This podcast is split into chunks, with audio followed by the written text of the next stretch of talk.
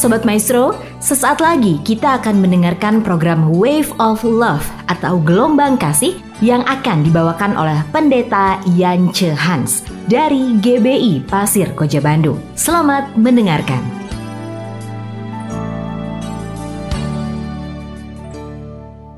Shalom Bapak Ibu Saudara-saudara yang dikasihi oleh Tuhan kita Yesus Kristus Di mana pun engkau sedang mendengarkan siaran maestro ini. Biarlah engkau terus setia kepada Kristus. Mungkin engkau sedang berada di rumahmu, mungkin engkau sedang berada di uh, rumah sakit, mungkin engkau sedang berada di perjalanan atau mungkin engkau sedang ada di tempat-tempat yang mungkin ada kesempatan untuk mendengarkan uh, renungan ini. Mari kita uh, merenungkan firman Tuhan yang terambil di dalam uh, kitab Kolose pasal 4 ayat yang kedua.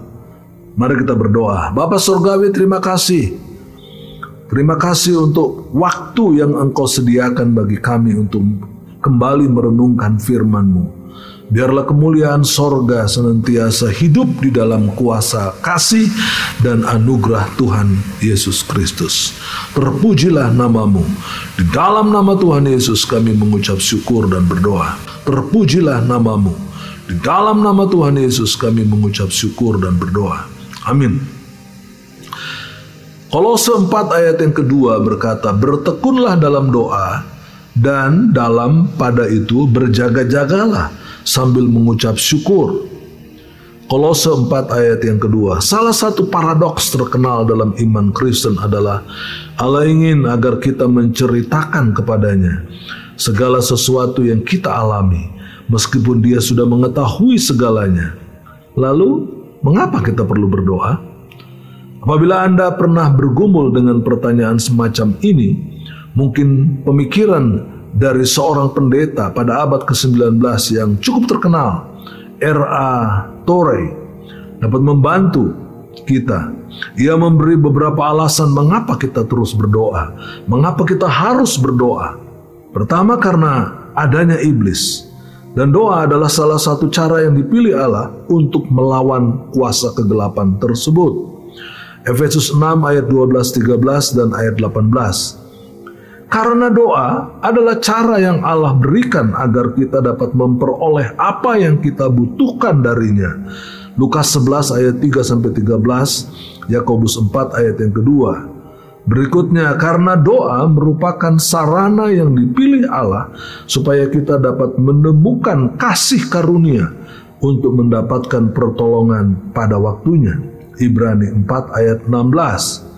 Lalu karena doa yang Allah berikan agar kita memperoleh kelepasan dari kekhawatiran dan merasakan damai sejahtera Allah.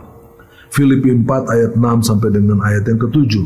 Di luar alasan-alasan di atas, sebenarnya kita cukup membaca perintah yang tertulis di dalam 1 Tesalonika 5 ayat 17. Tetaplah berdoa dan menyadari bahwa Allah menginginkan kita bercakap-cakap dengannya Memang dia adalah Allah yang maha tahu.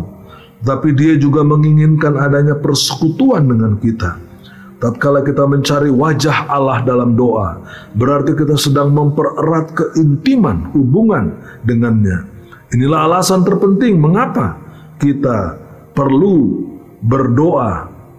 Inilah hal yang penting. Hak kita yang paling istimewa adalah bercakap-cakap dengan Allah. Ini sesuatu yang sangat penting. Lalu Yesus masuk ke bait Allah dan mulai mengusir semua pedagang di situ. Katanya kepada mereka, ada tertulis rumahku adalah rumah doa, tetapi kamu menjadikannya sarang penyamun. Bapak Ibu Saudara, ini amat sangat indah kita dengar. Ya, rumah Allah itu disebut rumah doa.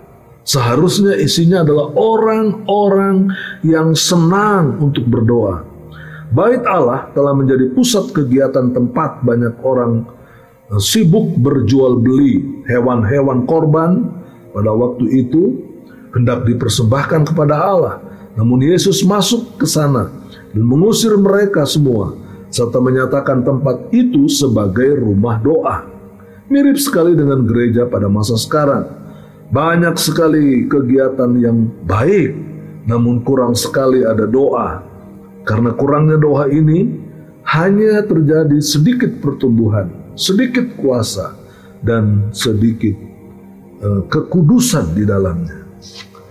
Adapun prinsip-prinsip doa ini yang seperti yang Yesus kerjakan, Yesus selalu berusaha untuk hidup kudus, kita dapat memastikan bahwa Allah mendengar dan menjawab doa kita karena kekudusannya yang luar biasa itu. Prinsip-prinsip yang melengkapi daripada prinsip utama tadi meliputi satu doa harus sesuai dengan firman Allah. Nah ini sangat penting Bapak Ibu Saudara.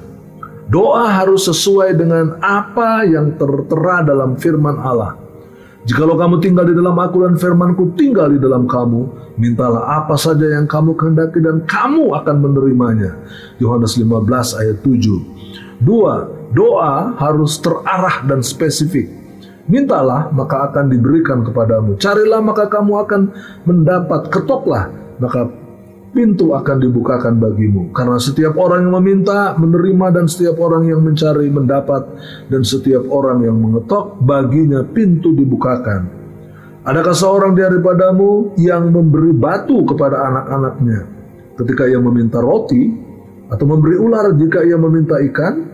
Jadi jika kamu yang jahat tahu memberi pemberian yang baik kepada anak-anakmu apalagi bapamu yang di sorga ia akan memberikan yang baik kepada mereka yang meminta kepadanya. Matius 7 ayat 7 sampai dengan 11. Berdoa dalam nama Tuhan Yesus. Dan apa juga yang kamu minta dalam namaku, aku akan melakukannya supaya Bapa dipermuliakan di dalam anak.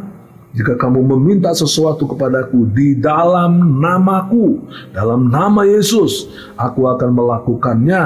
Yohanes 14 ayat 13 sampai dengan 14. Berdoa dengan iman. Ini sangat penting. Doa apa saja yang kamu minta dalam doa dengan penuh kepercayaan kamu akan menerimanya. Matius 21 ayat 22. Berdoa dengan tekun. Yang kelima, doa orang benar. Bila dengan tekun didoakan sangat besar kuasanya. Yakobus 5 ayat yang ke-16 dan yang ke-6 kita harus memiliki motivasi yang benar. Atau kamu berdoa juga, tetapi kamu tidak menerima apa-apa karena kamu salah berdoa. Sebab yang kamu minta itu tidak kamu habiskan untuk memuaskan hawa nafsumu. Yakobus 4 ayat 3. Karena itu penting bagi kita untuk tidak meminta sesuatu dengan alasan yang salah.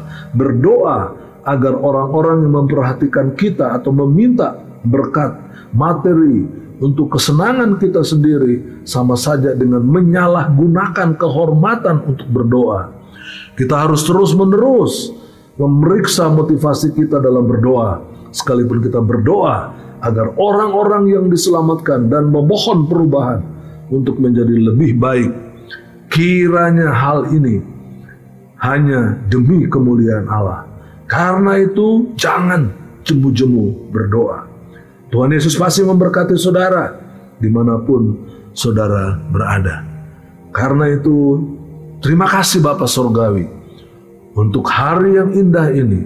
Kami boleh belajar beberapa prinsip doa yang sesuai dengan firman-Mu, sesuai dengan kespesifikan arah yang benar. Berdoa dalam nama Tuhan Yesus, eh, berdoa dengan peralas beralaskan iman yang teguh dan berdoa dengan tekun supaya motivasi kami dalam berdoa itu sesuai dengan kehendakmu sendiri. Terpuji-pujilah namamu ya Bapa. Di dalam kemuliaan berkat nama Tuhan Yesus, kami sudah berdoa dan mengucap syukur. Haleluya. Amin. Sobat Maestro, Baru saja kita mendengarkan program Wave of Love atau Gelombang Kasih dari Pendeta Yance Hans. Hadiri ibadah GBI Pasir Koja pukul 7, 9, dan 16 di Jalan Pasir Koja nomor 39 Bandung dan pukul 9 dan 17 di Taman Mimosa nomor 11 Taman Sakura Indah Bandung. Untuk milenial pukul 11 dan SCC Cimindi pukul 16. Tuhan Yesus memberkati.